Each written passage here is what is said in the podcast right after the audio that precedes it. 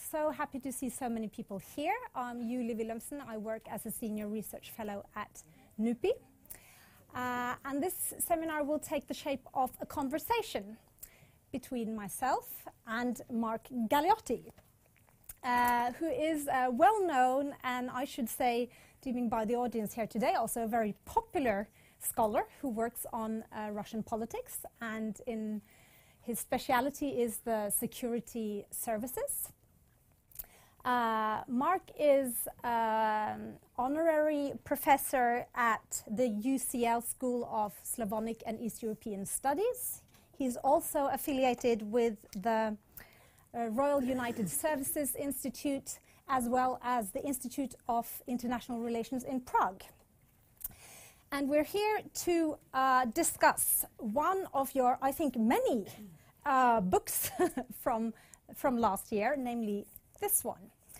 Um, and um, we will uh, go through several um, chunks of, of questions. And the first question I would like to ask you is that I think uh, you and I share a kind of a frustration with the repeated black and white images of Putin and um, the caricature uh, as you say, which is mobilized around him.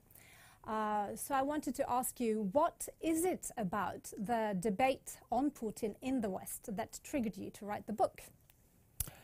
Um, well, there is a kind of a slow building of kind of critical mass of um, frustration which really led to it. Um, but the particular thing is this. Um, we have all kinds of good reasons to complain about Putin, to characterize Putin in, in negative ways. Absolutely, he, you know, he has presided over autocratic kleptocracy and so forth. However, one of the things that particularly worries me is that we increasingly have Putin being mobilized as the source of all our evils. Um, he is he is the Blofeld in the most recent sort of Bond iteration, um, and whether it's, I mean, look, I would, I would dearly love to be able to blame Putin for Brexit.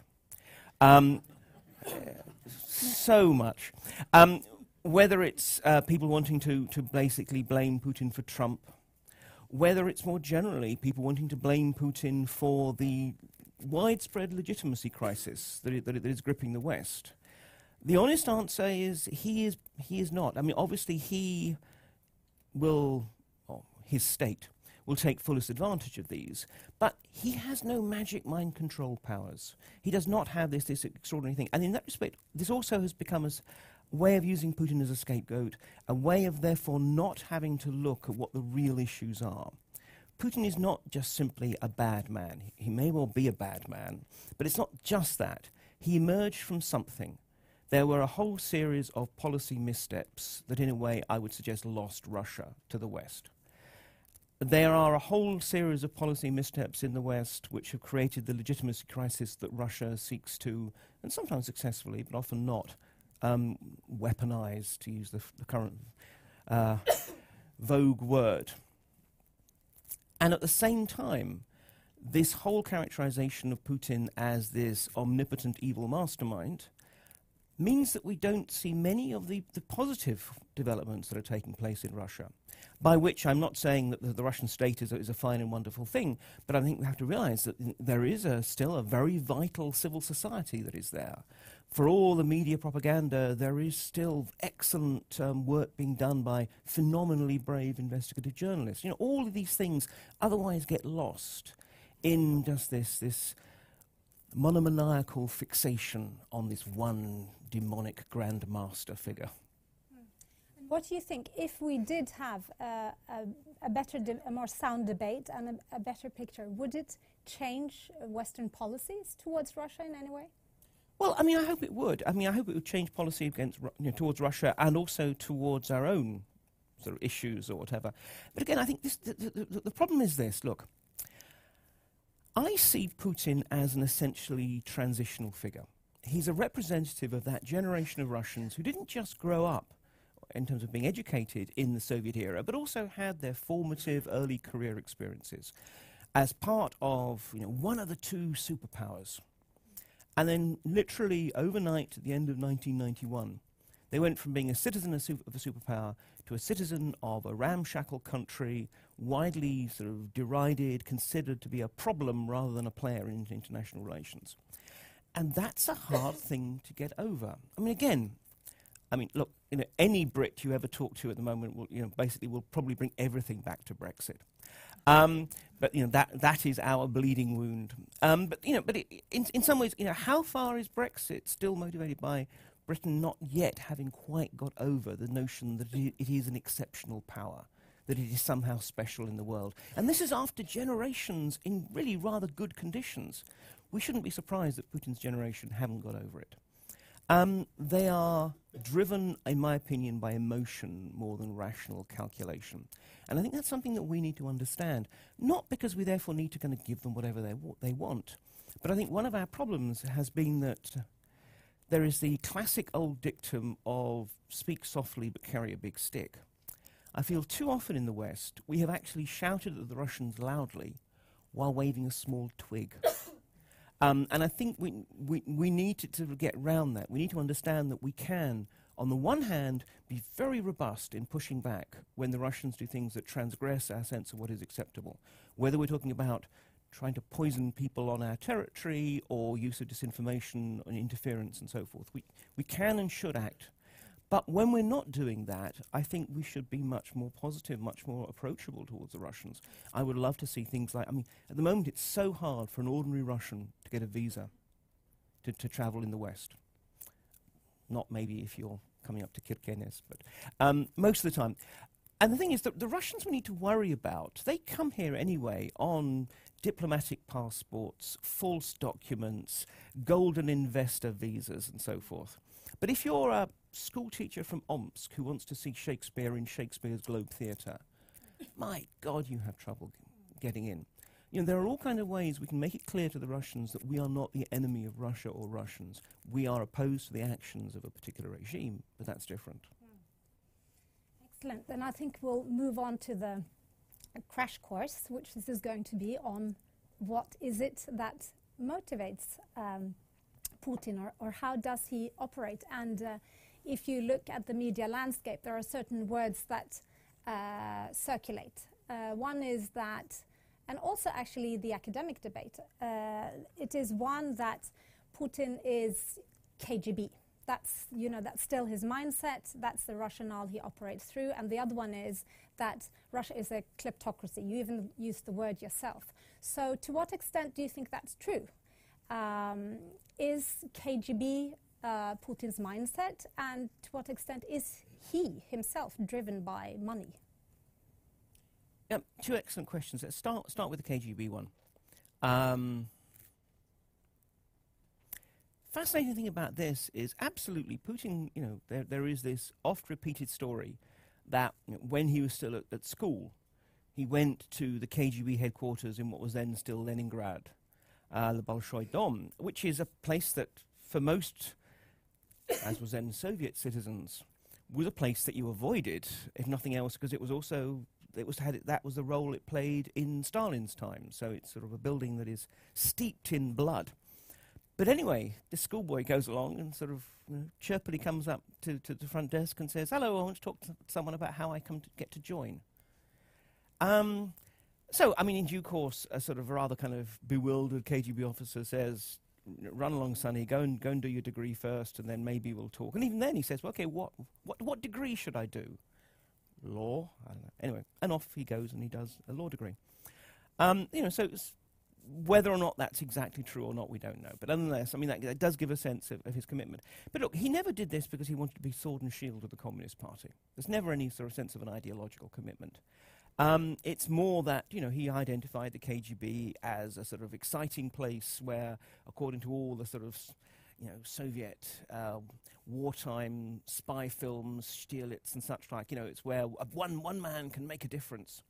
Um, you know, and it's also, and here I'm playing pop psychologist, a sort of the best street gang in town. You know, Putin rose, grew during a very kind of rough time in, in, in, in Leningrad he was a really mediocre KGB officer. Um, at first, he wasn't attached to the first chief directorate, which is the foreign espionage arm. Eventually, he did, really on the back of the fact that he had excellent German. But even then, he, you know, he never operated in what we would think of as a sort of a foreign intelligence role. You know, he was, he was in East Germany.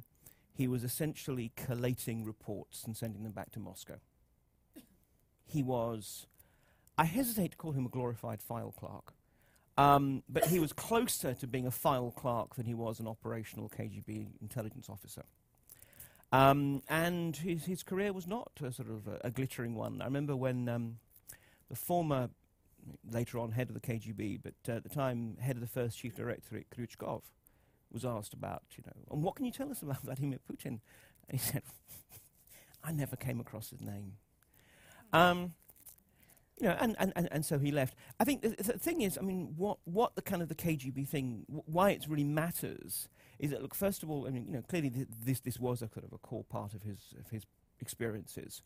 Um, many of the people that he then later promoted and knocked about with were people he got to know within the KGB, particularly um, during his uh, assignment in Dresden. Um, but still, to, to this day, I mean, actually, you know, I, I, I, I call Putin um, a bit sort of lightheartedly in the book, a, a spook fanboy more than anything else. He gives the intelligence services vast amounts of autonomy, vast amounts of respect, vast amounts of resource. On the one hand, he pragmatically sees them as one of the instruments Russia still has as, it, as its disposal that it can do something with. But at the same time, you know, he, he clearly feels an, an emotional bond with them. And this is a problem. Um, because he very much privileges their vision of the world over everyone else's. You know, you, I, have I've spoken to diplomats who are very Russian diplomats who are very disgruntled that basically, when their reports are at odds with the kind of much more typically paranoid, xenophobic reports that are filed by the, the Foreign Intelligence Service, which is much more sort of keen to talk about Western conspiracies and things. Um, Putin will always basically, instead of thinking, huh, maybe my spies are not telling me the right thing, it will instead be, he will be saying, well, why is the, why is the MFA, why is the foreign ministry not picking up on this? You know, so in a way, they get to paint the picture of the world to which Putin responds. So I think that, that's that. Sorry, it's a long answer, but it's a bit of a hobby horse question of mine. The kleptocracy one is a more interesting one. Look, of course, Russia is a kleptocracy. Um, no one who is able to, who reaches a certain level, lives by their salary alone. The interesting thing is that, I mean, I, I've kind of been thinking about there being, in a way, three Russias. There is the ordinary Russia, majo- the majority of Russians, even within the bureaucratic apparatus, who basically just want to do their jobs and earn their money and live life normally. And, uh, and that also applies to people who are in the control mechanisms. I mean, uh, you know, the number of times I actually, I think rather unusually for, for, for a Westerner, I actually voluntarily talk to Russian police. And, and the thing that strikes me is, you know, most ordinary cops, they're just like ordinary cops everywhere else. Um, maybe they'll take a little bribe here or there, but basically speaking, they want to do the job. So there is kind of normal Russia. Then there is kleptocratic Russia, um, which unfortunately gets to sort of trump normal Russia whenever they, they, they, they, come into conflict, which is precisely the, the level of the elite. People who you know are there to, to see their opportunities, see and seize their opportunities to make money. But then there is a third kind of ideological Russia, which is the sort of smallest level, which is, I think, where, where Putin is. Putin is not, in my opinion, driven by money anymore. In the 1990s, like everyone, he was desperately looking for opportunities to, en- to make money, uh, enrich himself if he could, but just make some money because Russians were in this awful situation in the 1990s when the country was in anarchy. Um, I think in his early years as president, those habits continued. Um, and, he, and he would actively expect payoffs and so forth. But I think relatively quickly, first of all, a way, he, he'd made enough money that you know, he, was not, he was never going to spend it. Secondly, he realized that he didn't really need money. You know, he's got all of Russia as his piggy bank. If he wants things done, then the state does it, or he can get oligarchs to do it, or whatever. There's all kind of different ways in which this happens. Um, instead, I think he's driven by issues to do with power and his vision for Russia and his vision for how he wants his own legacy. Um, I mean, I was fascinated talking to some, some friends who are historians at Moscow State University. Um, the Russians have a lots and lots of different kind of awards for academics, a system which I think actually many countries should think more about. Um, most of the time, when, when these awards are being given out, Putin staffs it out to someone else. Historians, he's much more likely to actually handle himself. Um, and we know that history is one of the few things that Putin actually reads, just for, for pleasure. And apparently, whenever he does meet historians, he invariably asks the question in a hundred years' time, how will they be writing about me? Now, point one what an awkward question to be asked by the virtual autocrat of your country. Funny you should say that, Vladimir Vladimirovich. I think they're going to say something terrible. no. Um, but secondly, I think it also gives us a sense of where his head is at, you know, what, what really matters to him. So I think, I think th this, this is the thing. We, we, we have Putin and a handful of people who are driven more by, I, I mean, I call it ideological. I mean, it's not truly ideological, but you might say it's, it's, it's more about issues of of, of power, of national pr uh, prestige, or and of a sense that their country is locked in an existential struggle with the West for its place in the world. Um, you know, below that there is kleptocrats, and then below that there's just the majority of ordinary Russians. So that kind of leads to the question of uh, is Putin a, a, nationalist, which I think is another recurrent trope in the debate. Because uh, in a way, what you're um, the picture you're drawing here points to a nationalist in a certain sense. So he's saving his country from the West, kind of. What would you say to that? And to what extent is there a, a conscious uh, uh, nationalist set of ideas, and continuous, I should say, mm. in, in Putin's leadership? I mean, I think that uh, in some ways we could define Putin as a kind of a crass nationalist. There is not, in my opinion, some grand body of ideas, of thought. Putin is not a philosopher. And every time people have tried to point, oh, well, Putin is just being motivated by the Eurasianist Alexander Dugin or the writings of Ivan Ilyin or, you know, people who try to create these kind of philosophical underpinnings. It doesn't work. I mean, actually, when you find these people's ideas being used, it's clearly in a very, very specific mobilization for a particular purpose. You know, Dugin, this, this man who sort of again presents Russia as having this sort of unique global role as a Eurasian power, sort of fusion of, of, of Asian and European, but above both. In 2014, when it was convenient for a while because of what was happening in, in Ukraine, suddenly Dugin was everywhere and being given lots of airtime and so forth. Once the Russians had decided, well, once the Kremlin had decided to um, get rid of the notion of essentially either annexing or creating sort of Novorossiya out of the Donbass as a sort of a, an independent state, Dugin became inconvenient. Suddenly he lost his job at, at Moscow State University. Suddenly he was no longer on TV. You know, it's very much this kind of, well, whom do we need? Whose ideas do we need at the moment? So, I mean, I, th I think I think his nationalism is that very sort of gut level one. I mean, again, it's quite interesting. Whenever he talks about this, um, you know, his. I'm slightly caricaturing, but only slightly. I mean, his, his view is basically Russia is a great power because it is Russia. Essentially, that somehow this is the country's birthright. It's not about GDP, it's not about ideology or religion or anything like that, it's about Russia. Um, and, I mean, it's easy to poke fun at that. It's very kind of primordial nationalism, but nonetheless, it's, it's a, I think, an honestly held one. The problem is, of course, that it, it's his notion of what makes a great power. You know, it is this very sort of simplistic 19th century, you know, sphere of influence and so forth.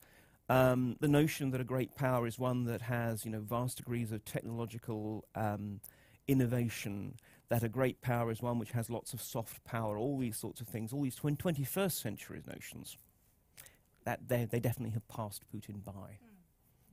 But in, in a sense, you're saying that he, um, he is a nationalist, or he needs to play to the, to the, to the nationalism in Russia, because if he wants to be the leader of all those people, which he obviously is dependent of in a way. That's where his power comes from to a great extent. He has to play to those strings and he has to articulate a, a vision of what Russia is. So even if he himself might not be a convinced nationalist, which we will never know, uh, it might still be a significant factor, um, maybe also in the future. Yeah, and, and it's interesting because what, what this means, I mean, you're absolutely right. And what this also means is that the whole concept of nationalism becomes a contested one. And there are different visions. You know, I mean, Alexei Navalny, the anti-corruption campaigner and the closest thing there is to an opposition leader, I would suggest is a nationalist. And I don't just simply mean because of claims you know, about his racism and so forth. No, I mean, you know, he, he, he you know, just his notion of what actually is good for Russia is just very different from Putin's. And on the other hand, I mean, one of the most sort of fascinating and surreal things is people remember Strelkov, who was the, you know, the, the um, ex-intelligence officer, uh, wartime reenactor, um, and also key figure who, by his own words, pulled the trigger on the war in the Donbass when sort of he and a handful of people um, sort of seized the first government building. Strelkov, who became the Minister of Defense um, in, in, in, the Donbass, but again, in due course, just became inconvenient when, when Russia decided that annexation was out um, and was, was, was basically forced back to, back, back to Russia. You know, I mean, he, he is not, I think it's fair to say, an, an intellectual, but nonetheless, he is the figurehead of a group of people who actually are quite sort of intellectual nationalists. And their view is essentially that Putin betrayed Russia. That Russia should have actually been much more assertive in Ukraine, and because Putin didn't, didn't have the, the, the guts for it, he's shown that, that, that he has betrayed Russia. And what they have done as a result of this is they said, well, why could this, why, how come Russia could be betrayed? And the answer is because Putin has absolute power. And so their manifesto says, in the name of Russian nationalism, what Russia needs are um, an independent judiciary that can hold the executive to account, democratic elections to make sure the president is not um, you know, able to have exert this hyper-presidential authority. In other words, probably one of the most liberal manifestos you will find in Russia is being promulgated by a bunch of deeply unpleasant nationalists. Um, fine, I'll take it. Um, but no, so, so, I think th this is the interesting thing that you know, what does nationalism mean? Um, you know, a great Russia, that's fine. I would personally say that there is, you know, one, one could postulate a very different Russia that is even greater, which does not involve having its, its, its troops in the Donbass um, and, and, and, shelling Aleppo and so forth, but it is basing on, you know, based on the, the very real human capacities of the Russian people. Just that's not Putin's vision of it. Okay, so I think we'll move on to understanding a bit more about the system beyond or, or beneath uh, Putin. So in your book, you say that it's a system where loyalty is traded for the uh, possibility to get rich, and you also say that uh, Putin doesn't always kill his enemies, uh, but he would kill traitors. Uh, so putting those together, it, it, it, it's kind of, it looks like a mafia state. Uh, to what extent is that uh, correct? Or could you please nuance the picture a bit? Mm -hmm. yeah, I must admit, I, I, really don't like that mafia state label. I think it no, absolutely. But it's I mean also it's frequently in yeah, use. well, it's it, it, it's snappy. Yeah. I mean, you know, this is it. That, that, that that's a problem. Uh, you know, a snappy headline can can obscure a thousand words of analysis. Um, the problem, the problem with, with, with mafia state is it implies that either the gangsters run the Kremlin or the Kremlin runs organized crime, and of course it's, it's vastly more complex than that. But that, that's, a whole, that's a whole other issue. Now, I mean, broadly speaking, um, yeah, this, this, this is a, a, an interesting example of a, a relatively liberal with a small l authoritarianism one of the one of the classic Russian cliches is the, is the chess grandmaster. And, you know, and Putin is often represented as that, you know, and, and the criticism, oh, you know, Putin's playing three-dimensional chess and we're just playing drafts and so forth. He's not. I mean, he's not someone who maps things out. He's an opportunist who, who actually is able to operate quite quickly. Um, but he doesn't have these kind of long-term strategies and so forth. Nor does he insist on, again, the other sort of virtue of, of a chessboard is your pieces do not move by their own accord. You know, there is that one mind and one hand that decides this pawn is going to move here. It's not the way the Russian system works. Putin tends to instead express, uh, express a vision for what the sorts of things he would like to see, usually in quite broad terms. And then what you have is therefore a whole variety of different individuals and agencies seeking to please the boss. Um, and often coming up with a whole variety of different plans, some of which they will present to him in the hope of getting his okay, many of which, they're not, if they're not of, of major import, they will initiate themselves, hoping for a retrospective okay. If they work, then they can expect to be rewarded. If they don't, then they may be rebuked, or may they, they may just simply be just simply disowned. But the point is, it's actually people are trying to please the boss. It, it comes from below, rather that. And again, this is one of the things about the sort of the mythology of Putinism and policy. In the West, we're often desperately looking for what is Putin's grand strategy.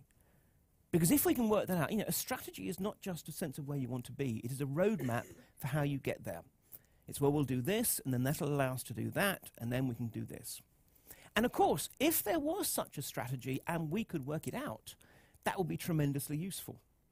But the point is, we spend so much time trying to work out the strategy when we're realizing there is no strategy. There is a rough sense of where we want to be and taking all kind of different routes maybe that might lead there. Often multiple parallel activities. That's, that, that, that's what we face. Um, again, let, let, let, me, if I can just briefly illustrate that with, with, with, with an example. Um, you know, I know some people who work for RT, the uh, foreign language propaganda TV station. Um, and it's interesting because obviously, I mean, they joined RT before it became really propagandistic, and also before its, it, its brand became toxic. And they didn't leave quickly enough. So basically, they're stuck there because they can't get another job in the sector. Well, I suppose if you want to go and work for Radio Pyongyang, maybe.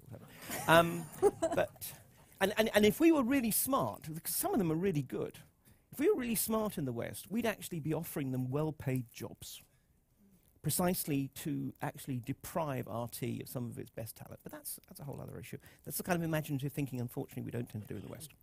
But anyway, yeah, so, so I was talking to some of these people, and I said, well, okay, look, how does it work? You know, do you get that kind of detailed instructions or whatever? The answer is no. Look, every week, the editors of the main newspapers and uh, media channels sit down with someone from the presidential administration's press service Sometimes it's Peskov, the, the press spokesman, sometimes it's other people, to get a sense of what the Kremlin would like to see that week. You know, but sort of, in terms of the kind of top level stories, not writing headlines or whatever.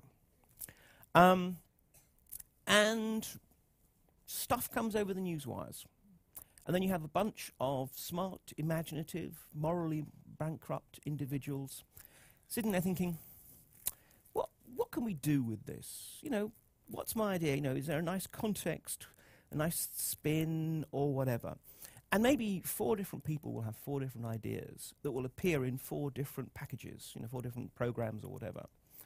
Um, and they're all hoping exactly that theirs is the one that someone from higher up says, I like that, let's, let's run with that.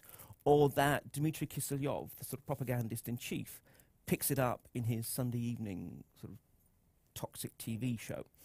Um, but the point is, in a way, it's because they all are trying to guess what their boss is, and ultimately their boss's boss, is going to want to see.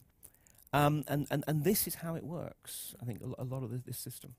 So I'm tempted to ask, what is your take then on the Litvinenko case and the Skripal case? Is that, um, as many people like to portray it, ordered from the top, or is it more uh, taken because they felt it was a, si a signal, it was, uh, it was possible, uh, and then it's accepted afterwards? I think these particular cases, at the very least, would have to be authorized from the top. Um, and again, it goes back to this point about who, who does Putin have killed? Um, you know, I don't want to sound like an apologist for Putinism, but this is actually you know, a relatively bloodless authoritarianism.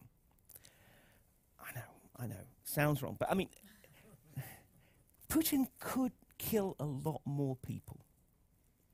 He doesn't. And again, please do not regard this as me saying, Putin, nice chap.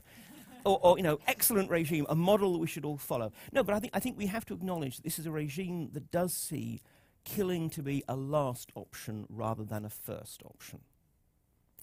Um, you know, it's perfectly willing to kill, but only when it absolutely feels it has to. And again, this, this, this line about, I mean, it, it comes notionally from a conversation that Venediktov, of the sort of the um, journalist who, who runs Echo Moskvy uh, radio station, had with Putin, who said, look, Putin says, look, there are enemies and there are traitors. Enemies you fight against, and hopefully someday you can make a peace with them. And you can, you can make a deal. Traitors have to be just killed because they will stab you in the back. And then apparently Putin added, you know, but all right, Alexei, you're just an enemy. Um, which, which, is, which is a good thing to be. Uh, I mean, the interesting thing about both Litvinenko and, and Skripal, both of whom were effectively sort of defectors from the intelligence apparatus, is that according to Putin's calculus, they would both be considered traitors. And particularly, I mean, I think, I think, because uh, you know, Litvinenko, not only did he say that Putin was a, uh, a paedophile, um, but also he was spilling the beans on all kinds of sort of financial transactions and so forth, particularly within Spain. Whereas Skripal, ex-GRU officer, intel military intelligence officer, who then become a, a, a, working for the British, he had been pardoned um, and you know, in a spy swap.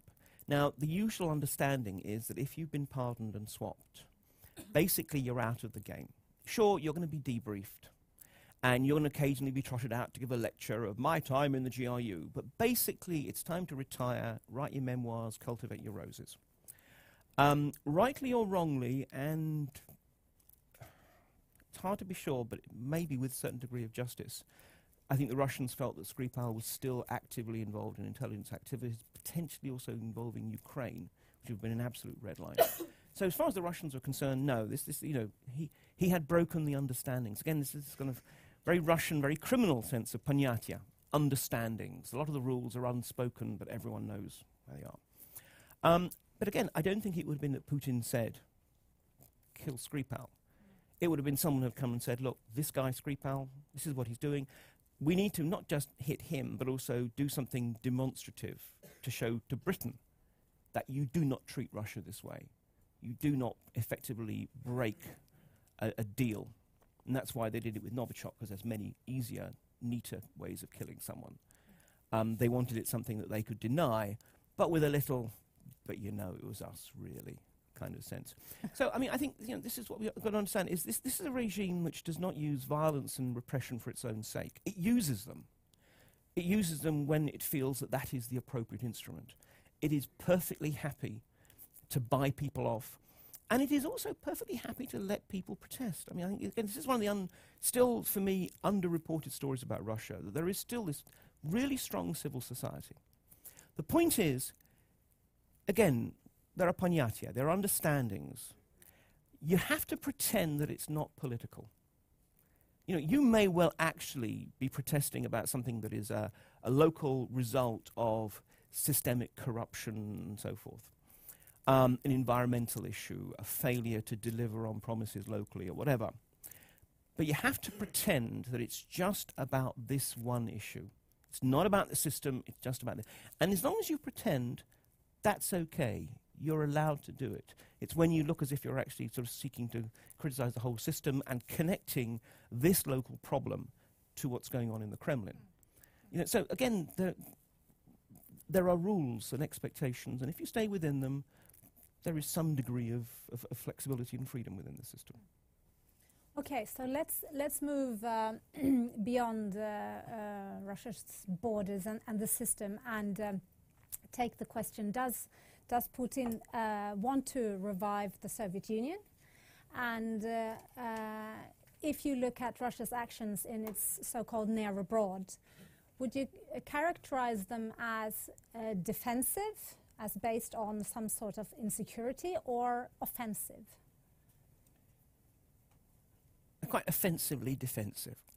Um, no, I mean, I think, again, look, I'm, I'm now going to try and sort of just characterize how I think the, the, Kremlin looks at the world rather than, please be aware, well, how I see the world. But look, I am I'm often really struck when I talk to people connected with the Russian government, foreign and security realm. Smart, cosmopolitan individuals who nonetheless absolutely believe that Russia is at war with the West and the West started that war. That it is the West that is involved in an attempt to deny Russia its proper place in the world um, to bring about regime change, soft or hard, within Russia. Um, and again, look, if you are an authoritarian kleptocracy, then of course support for anti-corruption activists, support for free press and so forth is destabilizing to the regime. But instead of them necessarily thinking of these as just simply expressions of our own values, they see these as part of Western gibridnaya vojna, hybrid war. Um, you know, again, so we have to, without accepting their precepts, we have to realize that these are genuinely felt. I do not believe that Putin wants to re-establish the Soviet Union or indeed the Tsarist Empire. I mean, he made that quote about, you know, fall of Russia was one of the great geopolitical catastrophes of the 20th century. But he then continued. He said, because it left so many Russians stranded outside Russia's borders. He wasn't just simply saying, Soviet Union was fab and it's terrible that it's not here he was actually making a very specific point. Um, as I say, I mean, I think his view, his view of what Russia's birthright is, is that it is a great power. Again, we, we have accustomed ourselves to this notion that sovereignty is a national right, that every country, doesn't matter how big or how small, has its own sovereignty. And in a way, sovereignty is not just indivisible, it is actually equal. That it doesn't matter if you're the United States or if you are you know, Chad you have the same. Um, Russia's position is well, no, that's not the case. You have as much sovereignty as you can assert. And therefore, look, if we can lean on Ukraine, well, that's just proof that Ukrainian sovereignty is partial. Um, and that we have a right to do so because we have a great power, and great powers have spheres of influence. And in many words, as I said, this is basically because that's what Putin thinks America has got. Um, you know, like it or not, there is a sense that NATO is America's Warsaw Pact, that America breaks the rules and does it with impunity. And you know, it's hard to argue that one, unfortunately. Um, you know, but, but, but there is a sense of, well, we have the right to whatever America, and in a way, increasingly China, has got. Um, but, I said, so, but that's not the same as territorial ambitions. Crimea was the exception. Crimea was that peninsula that basically every Russian believed was rightfully theirs. Belarus, um, even the Donbass. Look, the Donbass, one of the great tragedies of the Donbass is the region nobody wants. Um, you know, Russia interve- intervened there not because they wanted the Donbass. If so, by now they'd, they'd have created some pseudo state there properly, or they would have annexed it or something. No, it was always a lever to try and bring Kiev into line. Um, I remember, I mean, I, I, spent the first seven months of 2014 in Russia, and when the Donbass adventure started, everyone I spoke to was convinced within six months, within six months, Kiev would have capitulated and realized that basically it was part of Russia's sphere of influence. The boys had been brought home, and the West would have forgotten all about it obviously they were wrong on all three fronts. Um, though, in terms of the West, I mean, given what happened after Georgia, they had a, some, you know, a, a reason to think that we were the attention deficit disorder society. Um, but the point is, that was their expectation. It was never meant to be a long-term um, intervention. And frankly, they don't want the Donbass, and probably Kiev doesn't really want the Donbass either these days, and therefore, sort of, that's, uh, that's, that's one, one of the reasons why it's stuck in this current situation. But let alone, I mean, you know, no, no one in Moscow is sitting there thinking, we're looking forward to the day we can get Tajikistan back into the fold. Um, no, it's, it's, it's, it's Russia, um, really Russia within its current borders, current de facto borders, shall we say. Um, but it's, it's its place in the world that matters, not its territorial. Because another thing you say in your book is that Russia is actually pretty, as a foreign policy player, it's, it's cautious and it's risk averse. Uh, and since we're in Norway, I, I thought I'd tie uh, a question about that to the um, Norwegian situation. Uh, because we, of course, are allied to the United States uh, and a member of uh, NATO, and very much of the thinking in in uh, in NATO and um, uh, is that um, the more you you can deter Russia, and preferably actually the closer to Russia's borders, the better. Uh, and I say this because I listened to General Admiral Foggo, who was here before the big Trident Juncture exercise and gave a presentation in Oslo. And he presented this, this rationale for what Trident Juncture should be about. It was about kind of signaling that we're overpowering, we're much stronger, and then Russia would withdraw. Uh, and the way I have read uh, Russia, I, I, I, I, have read Russia differently because I, I have thought, yes, uh, Russia might withdraw uh, in, in some uh, instances, but in this instance, where you have the Northern Fleet, you know, strategically very important uh, part of Russia in the north, if you come too close, I do not read their psychology as pulling back and giving in. So I wanted to have your take on that, uh, and how does it fit your uh, um, theory of Russia being risk averse? Yeah, I mean, I, I, think we, we, we, need to realize that kind of risk averse does not um, preclude them making bad judgments about what is risky and what is not. I mean, again, if I can just use the Skripal example. Um, again, I was, I was, in Moscow at the time when, after the Skripal attempted killing, um, Britain expelled some Russian spies and the Russians did tit for tat. And again, as far as the Russians were concerned, it's clear that they felt that was the end to it. They had no sense there was going to be this multinational wave of expulsions that was going to follow, um, which was actually a very sort of salutary um, blow to them. But nonetheless, they gamed it out. They gamed it wrong. But they thought, no, the risk is fairly minimal. So they can, they can get things wrong. But yeah, I mean, I think, I think one of the problems is this look, when we come to deterrence, for example, what are we actually trying to deter? Now, if you think that the Russians are just sitting there thinking, look, someday someday the West is going to be sufficiently weak or distracted or divided that we can at last send our legions rolling westwards to grab a bit of territory. Then obviously that's when you, you, you come into the territory of exactly you know, the, you know, all, the, all the enhanced forward presence and, and, and, and such like calculation. I don't see that as their goal. Um, I remember once talking to, uh, he was a retired um, Russian army officer who had been in the General Staff's main operations directorate, which is kind of its planning arm. Um, and I said at a suitable point in the conversation, which I hope you realize is actually subtext for when enough alcohol had been consumed. alcohol, the researcher's best friend. Um, I said, look, you know, you, you must have operational plans for invasion of the Baltic states. Because you know the, the, job of soldiers is to have op plans for all kinds of stupid things that your political masters might decide. The same way as there's probably an op plan for what happens if flying saucers land in the Irkutsk. Um, and he sort of, you know, he said, mm, yeah, yeah. Um, but then there was this pause, and he said, you know, you know the trouble with the Baltic states? They're full of Balts.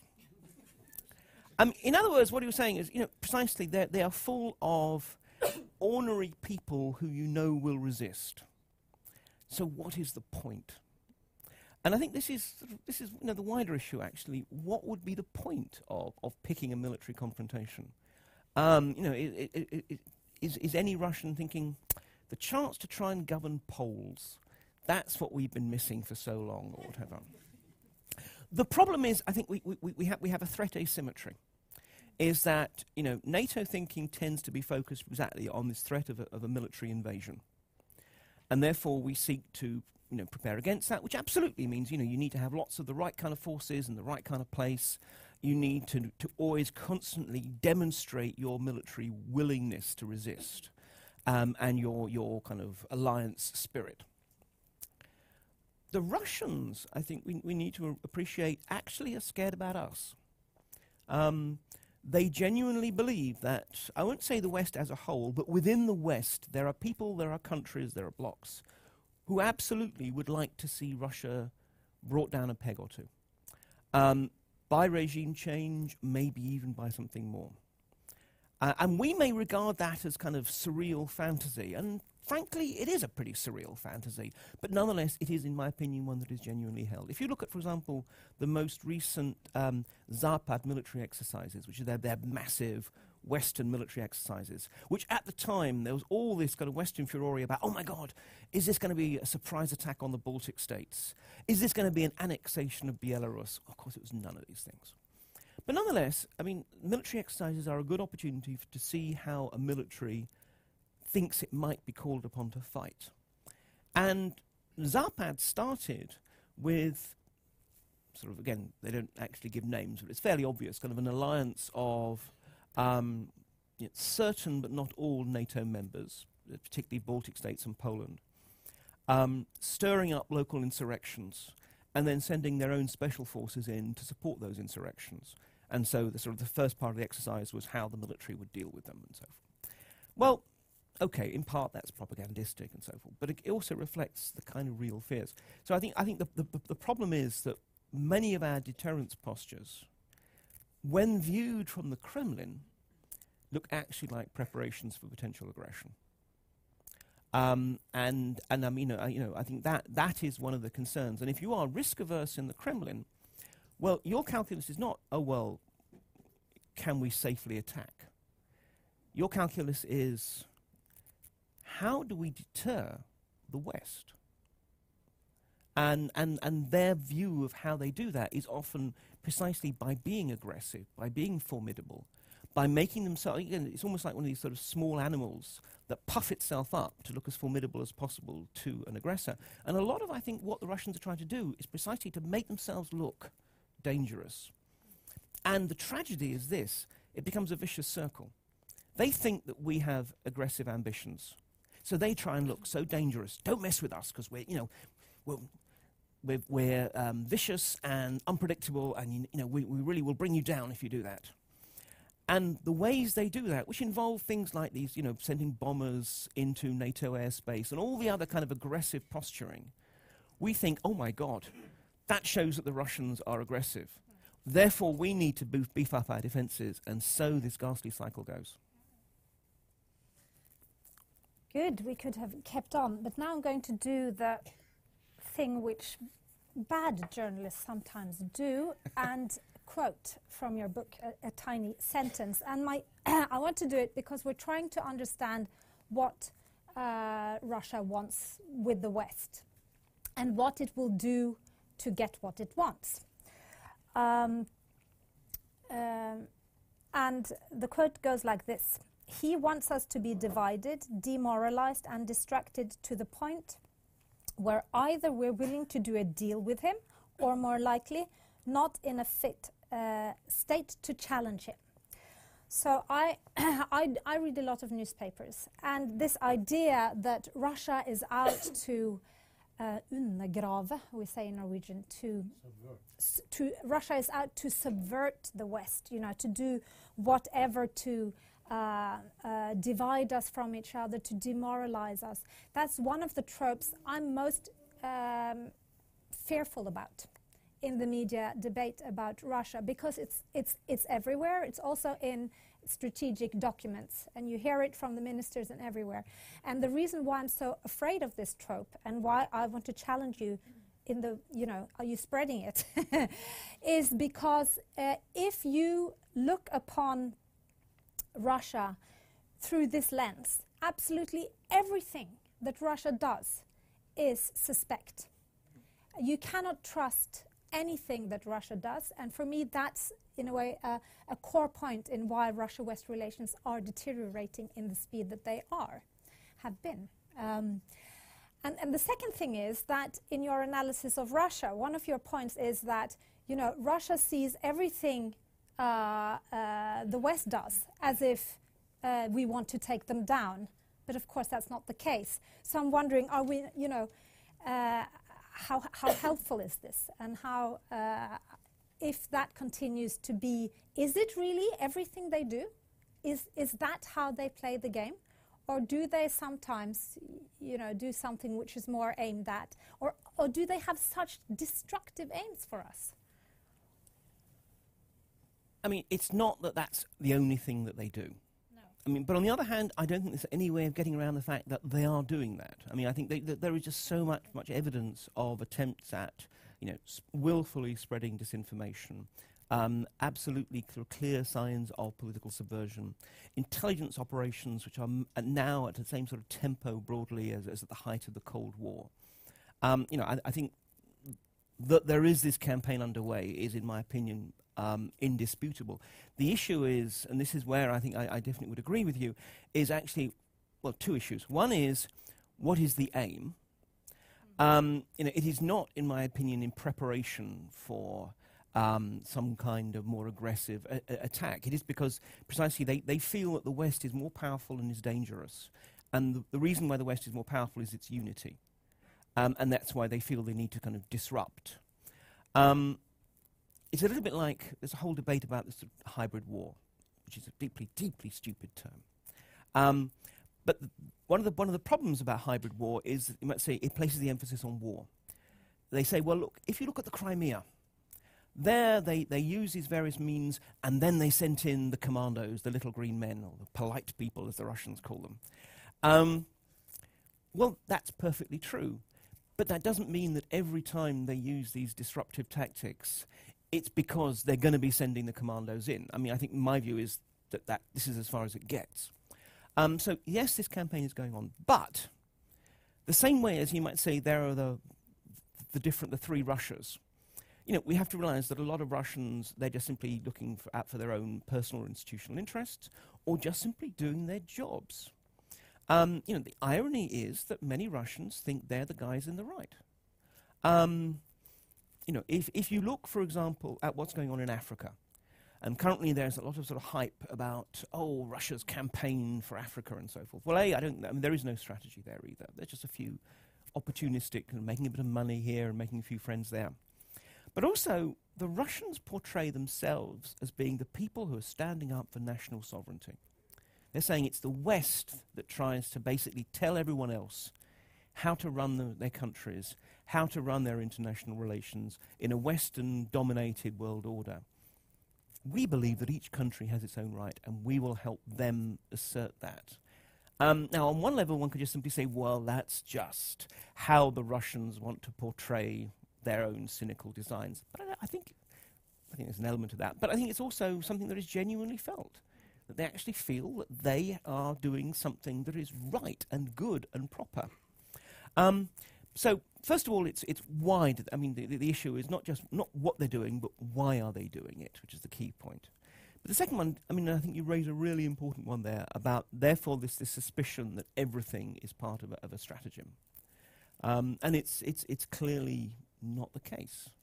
There are stratagems, um, but they are kind of, I wouldn't say necessarily buried, because that makes them sound, I mean, sometimes they're very obvious, but they are within a wider sort of concourse.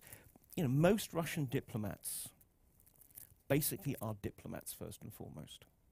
They are not information warriors and subversion specialists. From time to time, they're going to be involved in activities that may be subvertive or whatever, but that's not necessarily what they're doing all the time. One of our challenges, again, it's going back to this business of nuance, is exactly there is this extraordinarily simplistic notion on both sides of the divide. The same way as, you know, the Kremlin sees foreign agents uh, responsible for all its ills, and it's the West. You know, every time the West um, supports some NGO or whatever, it's because they think that's going to bring the Kremlin down. Um, when, well, sometimes it might be the case, but much of the time it's not. Well, thus, thus the, the other way round. We have to get beyond this very kind of simplistic notion that somehow we are involved in a sort of a, a, a bloody struggle, and that all Russians are the willing cohorts of Putin. And that's all they want to do. They, all they want to do is to stab us, to watch us bleed. That's not the way it is. And it becomes a self fulfilling prophecy. If we treat all Russians like that, then in a way we force them to be like that. Exactly. Very good. So I'm looking at the watch because we want to have some time to let the audience ask questions. But I, we need to um, end with a small section on the future. Uh, so in Russia today, as you uh, already noted, there actually are also demonstrations. and uh, quite a new movement. Um, partly against the regime. So you have that on the one hand, and then on the other hand, you have 180,000 in Putin's new national uh, guard, in addition to all other types of um, uh, security services, which he, he is fairly loyal to. So if there is to come to a standoff, uh, and also given, in a way, Putin's dependency on being a man of the people to some, some extent, um, what would he choose? Uh, if there is a standoff, if he, if he is really faced with this dilemma of broad protests on the one uh, side and uh, uh letting them have an influence or sending in his National Guards? I can't see a situation in which Putin would think, would, was as it were, let the protesters have their way. But let's be perfectly honest, um, any kind of halfway um, well handled repressive apparatus should not let that situation happen. Um, I remember having a conversation with some, well, they, they, were still actually working for the interior troops, which became the National Guard. Um, we were talking about uh, events that were taking place during the Euromaidan um, in, in Ukraine. And I mean, and, and they were horrified. But they were horrified on a professional level. They were saying, what is wrong with the Ukrainians? And they meant obviously the, the government sort of side. You know, we, we train these guys. They should know how to handle this stuff. They're doing everything wrong. And they, they, they, they proceeded to regale me with a technical critique of how the Euromaidan should have been handled. Um, and more or less why the Ukrainians were doing everything wrong. Um, you know, un- un- unfortunately, this, this is a sort of a system which does have a, a repressive apparatus which can do its job. Um, the interesting thing about, for example, the Moscow protests last year, which you know were at first very unpleasant and bloody, and created an element of either soul searching or just pragmatic deliberation within the elite and a scaling down of repression, um, is is precisely not people saying, "Oh, we in the government we shouldn't be using brutal tactics." It was no, no, this is counterproductive. This is not the best way of dealing with protests. Quite the opposite. So, I mean, I, th- I, th- I think actually, you know, there, it's clear that there are people who unfortunately know what they're doing in terms of how you control situations. Um, but again, I think the thing is that this is not a situation in which we should be thinking of it, sort of positing it as a, you know, state versus the street. Firstly, because there's a lot of street that is still broadly positive about the regime. Um, and, and secondly, because actually th- there are all kinds of interesting disagreements within the state apparatus. Um, and I think, you know, if we're talking about the future, you know, th- this last week's deliberations about constitutional change and, you know, the notion of creating a, a, state council, which could well provide a sort of halfway house for a kind of semi-retirement of Putin. Um, you know, all of this actually says something about the fact that people are thinking and talking about the fact that the state has to reform in some way. Now, it's going to be the sort of the conservatives' ideal of a smart reform. Reform that you may preserve is always the conservatives. You know, it, it, if you're a smart conservative, you know you can't keep things frozen. You know you actually have to make some degrees of changes, but you, you change in order to maintain the essentials. They will try and, and, and do that. Um, and I think this is, this is the real discussion because if, it's, if it is the state apparatus against the street, the state apparatus will win. However, what we do find is the street wins out when the state apparatus is divided. When, you know, the army won't come out, or will actually tell the National Guard not to press, or, or, or whatever. Um, you know, if one looks at uh, comparing the events of, of 1991, the sort of attempted coup against Gorbachev, where the security apparatus was not willing to support the coup plotters. And 1993, when Boris Yeltsin could actually deploy the army to shell his parliament into submission, which incidentally, that is a real constitutional coup, not what, what Putin's doing now, um, you know, that's the issue. It's about divisions within the elite, and there are some a lot of interesting divisions and discussions taking place within the elite at the moment. So, do you think that will be his departure, head of the state council, or on that discussion? Where do you stand now after last week's? We've got, f- again, this is, this is very Putin. Again, I mean, I, I sh- we shouldn't think that he has this one absolute roadmap that leads to him from here to 2024, and that's what he's going to take. Um, you know, he, he creates options for himself. Um, I think this is what he's doing. He's creating one clear option, which is also a signal to the rest of the elite.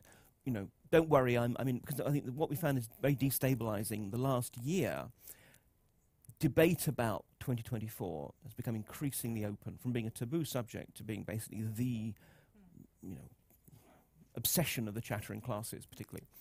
Um, and that the uncertainty about that was, was, was destabilizing. So I think this is saying, look, don't worry, you know, we're on top of this. Um, of course, the key thing is this is still going to be a very presidential system. Yes, there's talk about a few powers being shifted, but as it currently looks, and okay, the, the, the, the current constitutional revisions is a very sort of outline document, but nonetheless, it looks as if it's still going to be very strongly presidential. So he needs to find a successor, and I think that's what he's doing. He's looking for his own Putin. Um, and if he can't find that person and hasn't found someone he feels he can trust by 2024, then it becomes trickier. Do you put in just simply a weak president, step forward Dmitry Medvedev, um, or do you take a chance on someone, or do you feel you have to stay around? I mean, I think that, that, that will be a, his tricky thing, but I think you know, he's obviously hoping that in the next four years he can find someone who can fill that role, and then probably he will become chairman of the State Council. Because the interesting thing is, um, there is going to be a, not referendum, but a people's vote on adopting these constitutional changes, including an empowered State Council which will almost certainly be taking place before we see the draft of the federal law on the State Council. So people will be asked to vote on having a State Council before they're told precisely what this State Council will do. Ah, Russia. Very good.